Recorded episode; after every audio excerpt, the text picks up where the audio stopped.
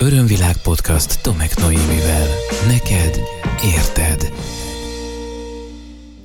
Nagyon sok szeretettel üdvözöllek. Az Örömvilág podcast csatorna 79. epizódját hallgatod.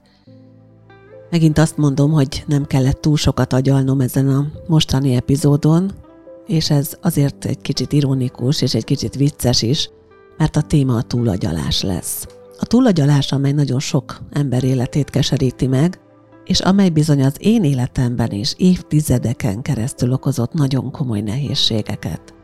Én ugyanis teljesen az a típus voltam, életem nagy részében nagyjából azt mondom, hogy a 40-es éveim elejéig, aki állandóan mindenen csak gondolkodtam. Mindent agyból, elméből akartam megoldani, folyamatosan intellektualizáltam, Amennyire lehetett, annyira menekültem az érzéseim elől, lehetőség szerint nem igazán néztem velük szembe, ha pedig jöttek, akkor megmagyaráztam magamnak, hogy miért ne foglalkozzak velük, és miért inkább az eszemre hallgassak.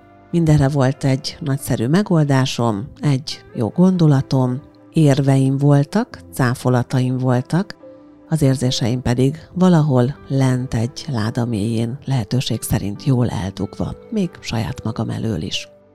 Talán számodra is ismerős ez az érzés, talán te is találkoztál már valakivel esetleg, aki nagyjából így éli az életét. Azt kell mondjam neked, hogy a változás, amin sikerült keresztül mennem az önismereti utam során, olyan más életminőséghez vezetett el engem, amit csak ajánlani tudok mindenkinek. A saját érzéseinkkel való megismerkedés egy elképesztően jó dolog. De nem futok ennyit előre, hanem arra bíztatlak, hogy egy kicsit együtt szokásunkhoz híven hangolódjunk bele ebbe a mostani epizódba. Hozzad fel te is magadból, kérlek, azokat a nézőpontokat, azokat a témákat, amelyek ehhez a mai podcasthez kapcsolódnak, és aztán beszélgessünk róla, és nézzük meg, hogy hogyan lehetne másképp tekinteni erre a kérdéskörre, illetve hogy hogyan lehetne ezzel kapcsolatban még jobb, még több, még szebb a te életed is. Tehát ma egy olyan extra feladattal kezdünk gyakorlatilag, ahol már arra bíztatlak, hogy az agyalást azt tedd félre, és csak arra figyelj, hogy mit mutatnak az érzéseid. Hogyha velem tartasz, vagy már velem tartottál több adás óta, akkor tudhatod, hogy ez a rész ez pont arról szól, amiről a mai epizód is, hogy ne agyaljad túl a dolgokat, hogy ne gondolkodj a jó válaszon, hanem lehuny szemmel, befelé hangolódva enged, hogy minden, ami benned van ezzel kapcsolatban, az felszíre tudjon jönni. Rögtön arra szeretnélek kérni, hogy érezd bele abba, hogy mi a könnyebb neked érezni vagy gondolkodni. Hogyha bármelyik nehéz, akkor abban mi okozza a nehézséget? Mi okozza a nehézséget a gondolkodásban, mi okozza a nehézséget az érzelmekben? Mennyit szoktál gondolkodni egy-egy fontosabb döntés előtt? És mennyire veszed igénybe az érzéseidet, vagy a megérzéseidet?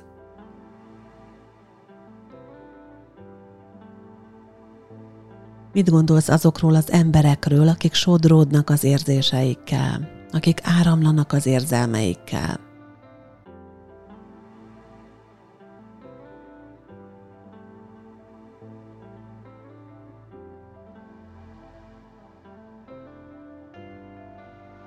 Elfogadod-e az érzelmi érveket az észérvekkel szemben?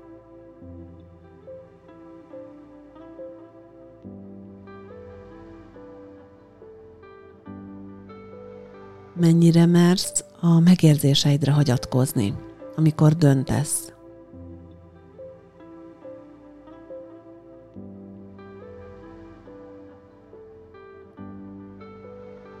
Mi lenne, hogyha a következő nagyobb döntést az életedben, most kérlek játsz el a gondolattal, anélkül hoznád meg, hogy túl sokat gondolkodhatnál rajta.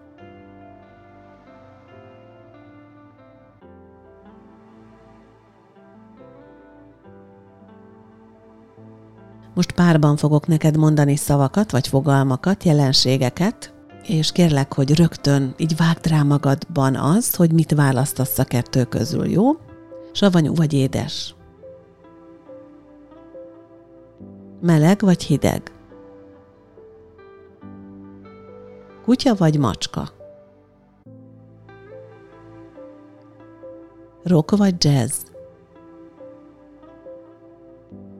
Porszívózás vagy mosogatás?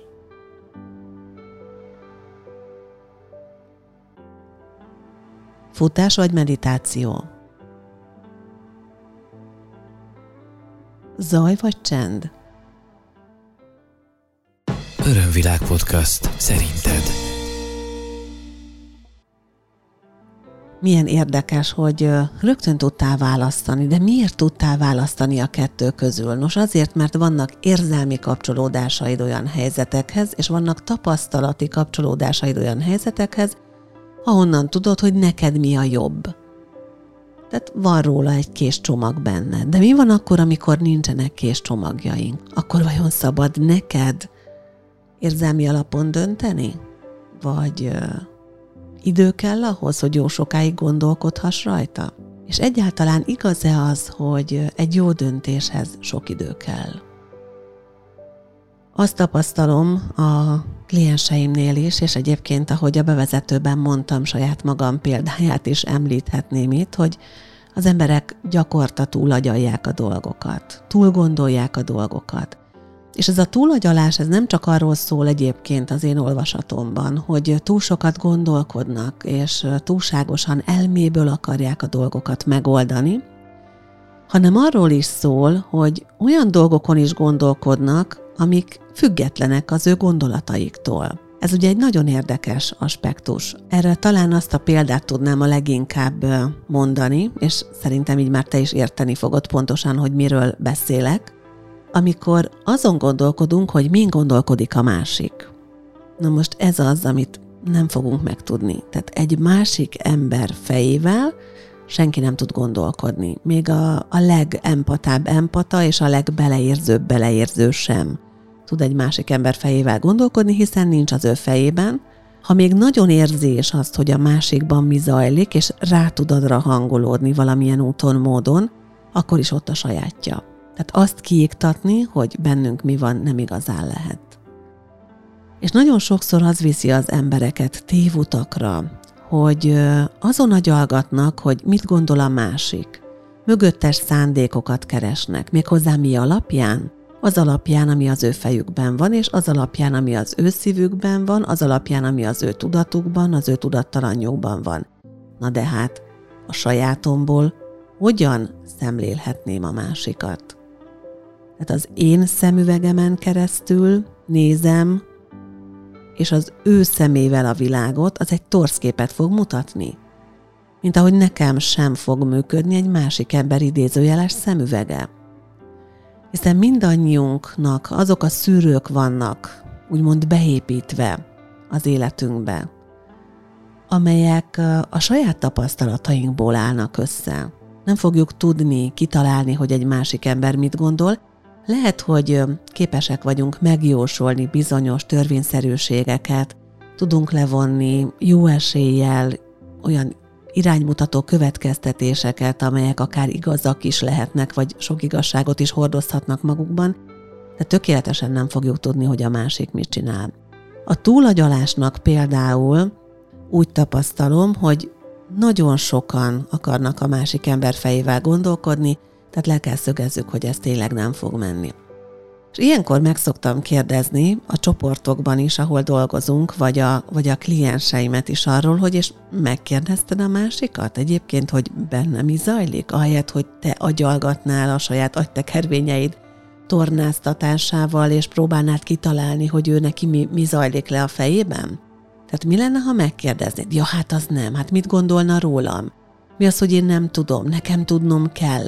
Ugye nagyon sokszor a mögött, hogy az emberek agyalgatnak mások véleményéről vagy gondolatairól, ne talántán érzéseiről, tehát ez a nonsens, amikor elméből akarom kitalálni, hogy hogy érez a másik. Hogy? De tényleg.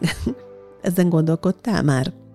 Szóval ez elképesztően sok feleslegesen kidobott energia és idő, hogy azon agyalgatok, hogy a másikban mi zajlik, ahelyett, hogy megkérdezném őt. És, és akkor ő elmondaná, és akkor én nagy valószínűséggel az, annak nagy részét meg is tudnám érteni. Azért mondom, hogy nagy részét, mert nem száz százalékban értjük azt, hogy mit gondol, vagy mit akar mondani a másik, pláne azért nem, mert hogyha egy szimpla, átlagos kommunikációs folyamatot nézzük, látszik az, hogy, hogy amit én szándékozok kifejezni, abból, ami bennem van, annak csak a töredékét vagyok képes megfelelő szavakba önteni, mert egyszerűen a, ugye a sajátomat hozzáteszem ehhez, mint gondolatot, ami bennem van, és a szavakkal nem biztos, hogy megfelelően körülírom mások számára, és akkor azokat a szavakat ő nem biztos, hogy érti, meg lehet, hogy még a, a különböző ilyen környezeti torzulások is vannak, mondjuk dudálnak valahol, vagy elmegy egy, egy villamos, és annak a hangját hallja valaki, vagy elmegy egy repülőgép, és akkor az már torzítja a megértést. Tehát, hogy amit eleve önmagáról is ki akar fejezni az ember, az is torzul, és akkor most elképzelhetjük, hogyha a másiké agyalok, akkor az mennyire torz képet tud mutatni. Szóval ez is a túlagyalás kategóriájába tartozik, és nagyon sokszor látom ezt a minőséget, ezt a verziót azoknál az embereknél, akiknek megfelelési kényszere van, és önértékelési problémája van. Pedig az ilyen típusú emberekből, az ezzel élő vagy ezzel küzdő emberekből, hát Dunát lehetne egyébként rekeszteni. Nagyon nem csodálkoznék rajta, hogyha te is ismernél egészen közelről nem egy, nem kettő ilyen embert, aki ezzel a problémával éli az életét. És hogyha, hogyha annyira meg akar valaki felelni a másiknak, akkor tényleg hajlamos arra, hogy az ő gondolatait és az ő érzéseit, az ő vágyait fürkészi, ahelyett, hogy megkérdezné, hogy amúgy mit szeretne, meg kommunikálná azt is, hogy ő mit szeretne, és akkor lehet, hogy kialakulhatna egy közös platform. A túlagyalással kapcsolatban egyébként annyi minden jutott eszembe, hogy nem is tudom, hogy a, ebben az adásban ezt hogy fogom mindet elmondani neked. Hát lesz, ami lesz, annyit beszélek róla, amennyi adásidőm nagyjából van. De mielőtt ezt folytatnánk, én, én meglepetésszerűen fel fogom hívni a legjobb barátnőmet Rékát telefonon, aki velem együtt szintén a túlagyalók, az extrém túlagyalók táborát erősítette, amikor mi találkoztunk, akkor én már kezdtem lejönni erről a cuccról, ő viszont még mindig nagyon rá volt ragadva. Ennek most már több mint nyolc éve van, hogyha jól számolom, és az idő alatt ő hatalmas utat tett meg. Úgyhogy pontosan azért, hogy ne tudjon gondolkodni rajta, én nem is szóltam neki előre, hanem csak csörgetem és megkérdezem, jó?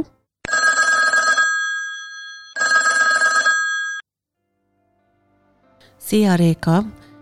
Mizu! Adásban vagyunk, most ez az Örömvilág podcast felvétele, és mivel a túlagyalásról lesz szó, azért nem hagyok neked időt arra, hogy gondolkodj a válaszom, hanem csak felteszem a kérdéseimet, úgy gondoltam. Benne vagy? Igen.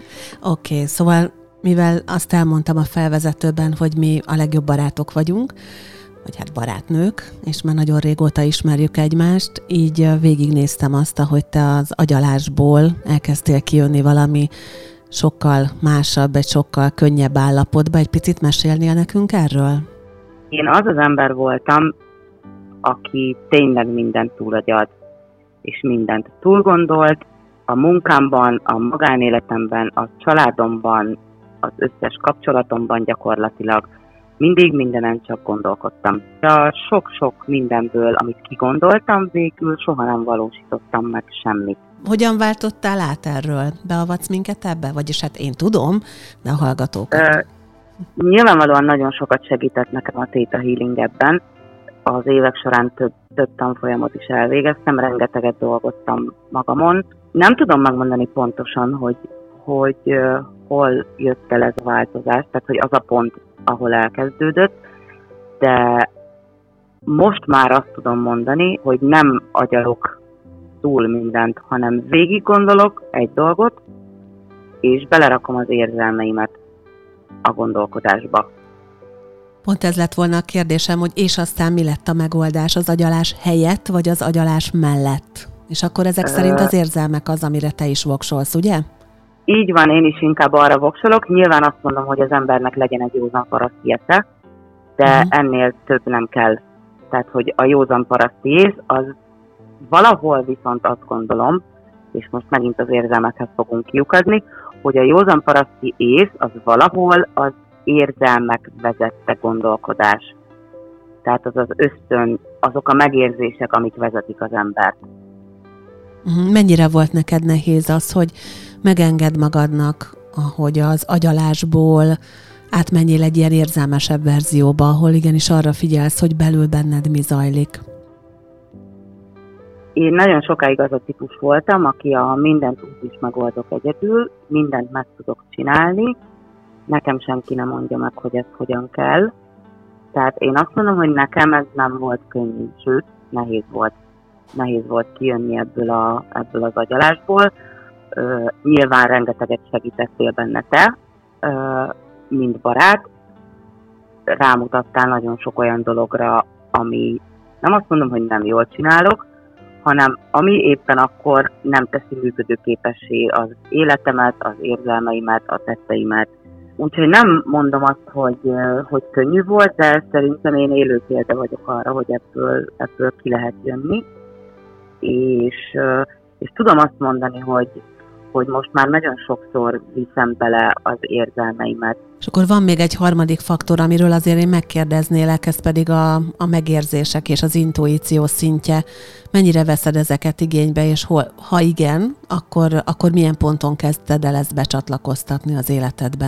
Hú, ez egy nehéz kérdés. Ö, szerintem a megérzéseimre való ö, odafigyelés és azok használata az az akkor kezdett el becsatlakozni az életembe, amikor elkezdtem saját magammal foglalkozni.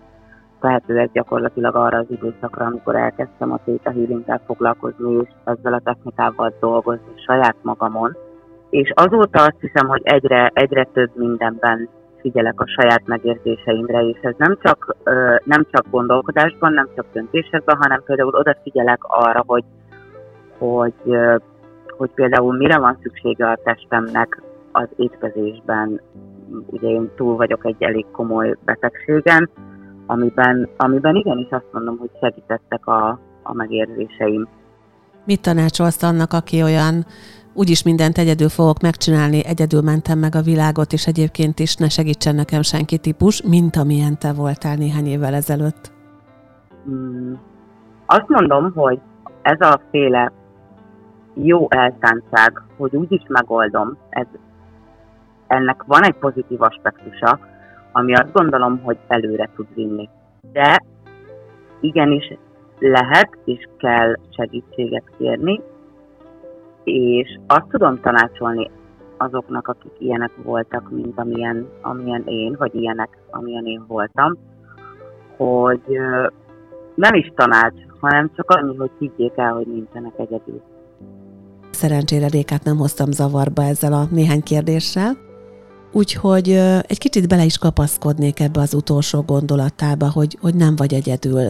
Ez mennyire jó, és ezt kihangosítanám, ami nem feltétlen most ennek a podcastnak a központi gondolata, de akkor, amikor, amikor az ember beleragad ebbe a túlagyalós sztoriba, pontosan azért, mert azt hiszi, hogy mindent ki kell találnia, és mindent meg kell oldania, akkor nagyon jól jön a segítség.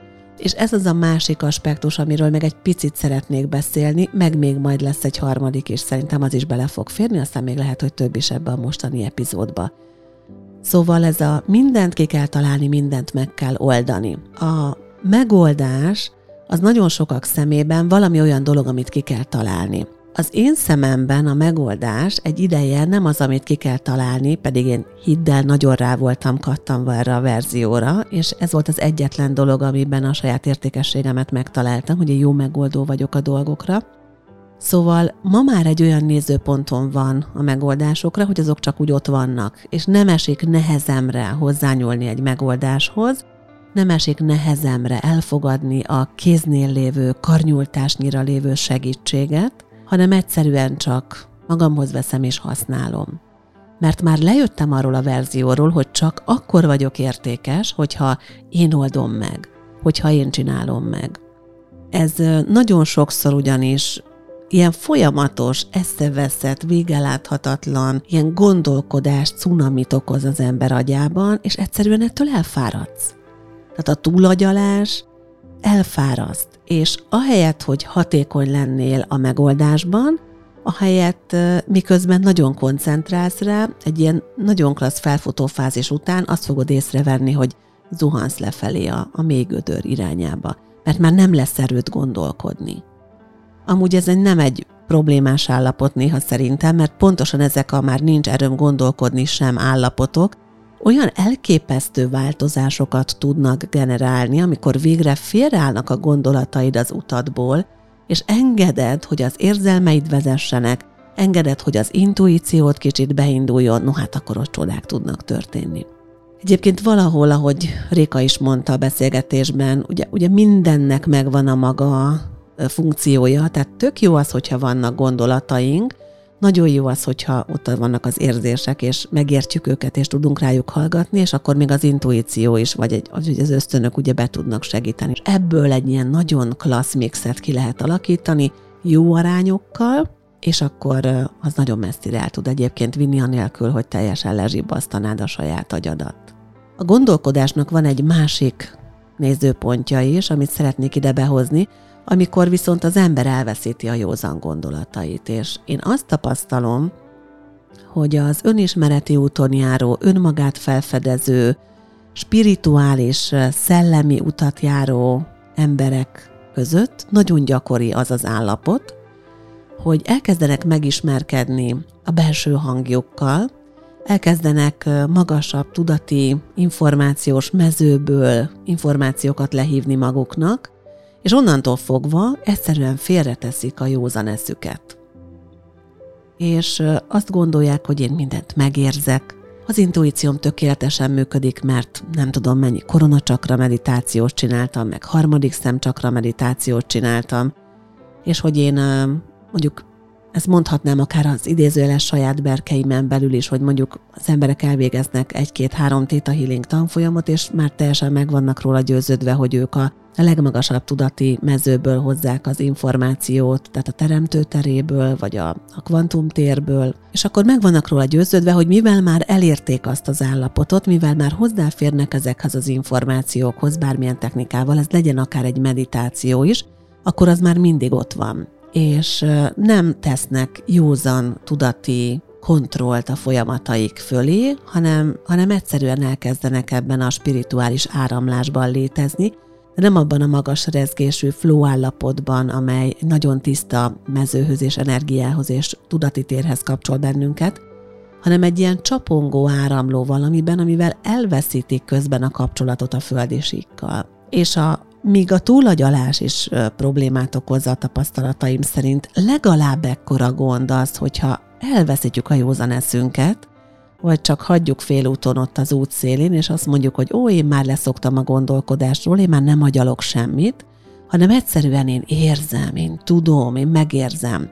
És különböző spirituális technikákat is segítségül hívnak, ingáznak, meg kártyáznak, meg angyaloktól kérnek üzeneteket, amik egyébként működőképes verziók, tehát én most ne, nehogy félre, és nem arról beszélek, hogy ezek ne, nem lennének jók, hanem arról beszélek, amikor ezeknek úgy ad valaki felhatalmazást és kizárólagosságot, hogy közben elfelejt józanul gondolkodni, és nem veszi észre, hogy milyen tudati szintekhez kapcsolódik. Azt gondolom és azt tapasztalom, és itt fontos a gondolat is és a tapasztalás is, és azt mondom, hogy még azt is érzem egyébként, tehát mind a három síkon ez a, ez a tapasztalásom, hogy ez az egyik legnagyobb probléma a spirituális úton, hogy elindul az ember, elkezd tapasztalni rajta nagyszerű dolgokat, jönnek a megérzések, néhány mélyebb, meditatívabb állapotban, vagy egy relaxációban, egy vezetett mély meditációban, egy hipnózisban, egy pszichodrámában, egy theta healing konzultációban, egy source memory-ban, vagy bármiben, megtapasztalja azt, hogy milyen érzés kapcsolódni mondjuk a felsőbb én hangjához, és azt hiszi, hogy ezért már mindig fel fogja ismerni. De az a helyzet, hogy ez nem így van. Nagyon stabilan érdemes begyakorolni ezeket a kapcsolódásokat, mert különben könnyen összekeverhető az ego hangja és a felsőbbön való hangja, az is könnyen lehetséges, hogy valakinek miközben azt hiszi, hogy a felsőbbön valójától, a felsőbb énjétől kap tiszta üzeneteket, az a része kapcsol be, amely a biztonságra törekvést teszi minden elé, és éppen csak ki akarja menekíteni egy helyzetből. És akkor azt mondja, hogy ó, hát nem, egy döntéshelyzetben mondjuk.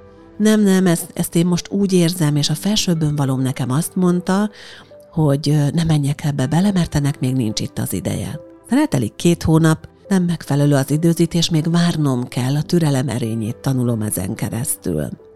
Aztán még eltelik megint két év, és azt mondja, hogy már nagyon magas szintre fejlesztettem a türelem erényét, most az elengedés gyakorlom, és még mindig nem jött el az idő. És nem veszi észre, hogy egy olyan részével beszélget, amely folyamatosan meg fogja gátolni abban, hogy ő előre lépjen, mert ez, ennek a részének egyszerűen maga a lépés, a változtatás nem biztonságos. Érted, hogy miről beszélek? Én azt tudnám javasolni, és én ezt gyakorlom, ezt csinálom, és szerintem ez egy működőképes dolog, hogy tanulj meg legalább egy technikát, legalább egyet úgy, hogy magabiztosan tud használni, és azon keresztül nagyon konkrétan meg tud állapítani, hogy honnan jönnek neked az üzenetek. Hogy meg tud pontosan érezni azt, hogy az honnan jön. Hogy felismerd az elmédben azt, hogy éppen az az üzenet, ami érkezik, az a jellegénél fogva vajon hova kapcsolódhat, mert egyébként erre vannak nagyon-nagyon jó szabályszerűségek. A Data Healingben például a Te és a Teremtő tanfolyamon ez egy ilyen kétnapos kurzus, ez zseniálisan meg tudjuk tanulni, de onnan is még csak a, az elméleti alapokat tudjuk, tehát azt még gyakorolni szükséges ahhoz, hogy az rutinszerűvé váljon. Mindenképpen azt javaslom, hogy őrizd meg a józan gondolkodásodat, a józan paraszti eszedet. Azért, mert spirituális vagy, azért nem kell a föld felett lebegned két méterrel, azért, mert az önfejlődésed útján, az önfejlesztés útján jársz, nem kell neked repülni, hanem lehetnek lábaid, amelyek a földhöz kapcsolódnak, és bizony nagyon fontos az, hogy ezt a fajta józanságot ezt meg tud őrizni.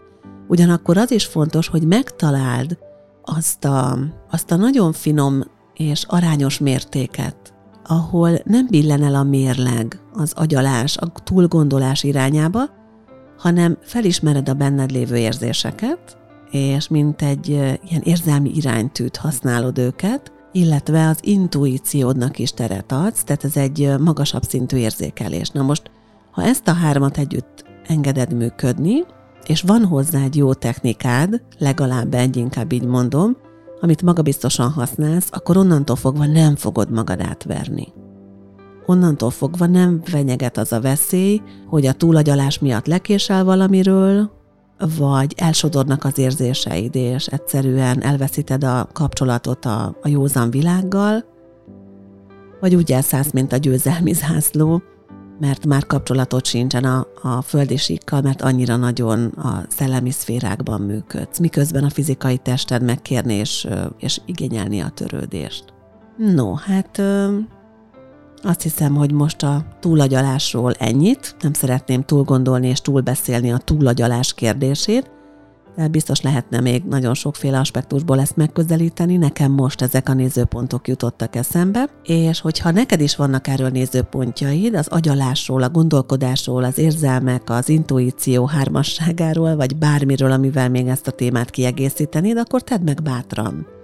Kérlek, hogy ír nekem e-mailt a podcastkukacörönvilág.hu e-mail címre. Itt egyébként témát is javasolhatsz, és hogyha még nem tetted meg, akkor arra bíztatlak, hogy iratkozz fel a YouTube csatornámra, és ír nekem ott, ott elég klassz interaktív felület áll rendelkezésre ahhoz, hogy beszélgessünk tovább egy-egy témáról. Köszönöm szépen, hogy velem voltál, köszönöm, hogy együtt lehettünk ebben a mostani epizódban is. Remélem, hogy találkozunk a következő alkalommal jövő szerdán újra, vagy bármikor, amikor rákattintasz a www.örömvilág.hu-ra, ahol minden részt megtalálsz, az előző 78-at is, és ezt a mostani 79-et, vagy Ajánlom figyelmetbe a különböző podcast appokat és a már említett YouTube csatornámat. Legközelebb is számítok értő füleidre. Ez volt az Örömvilág podcast Tomek Noémivel. Hétről hétre új témák, érdekes nézőpontok a tudatosság útján járóknak. www.örömvilág.hu Témát ajánlanál? Podcastkukac örömvilág.hu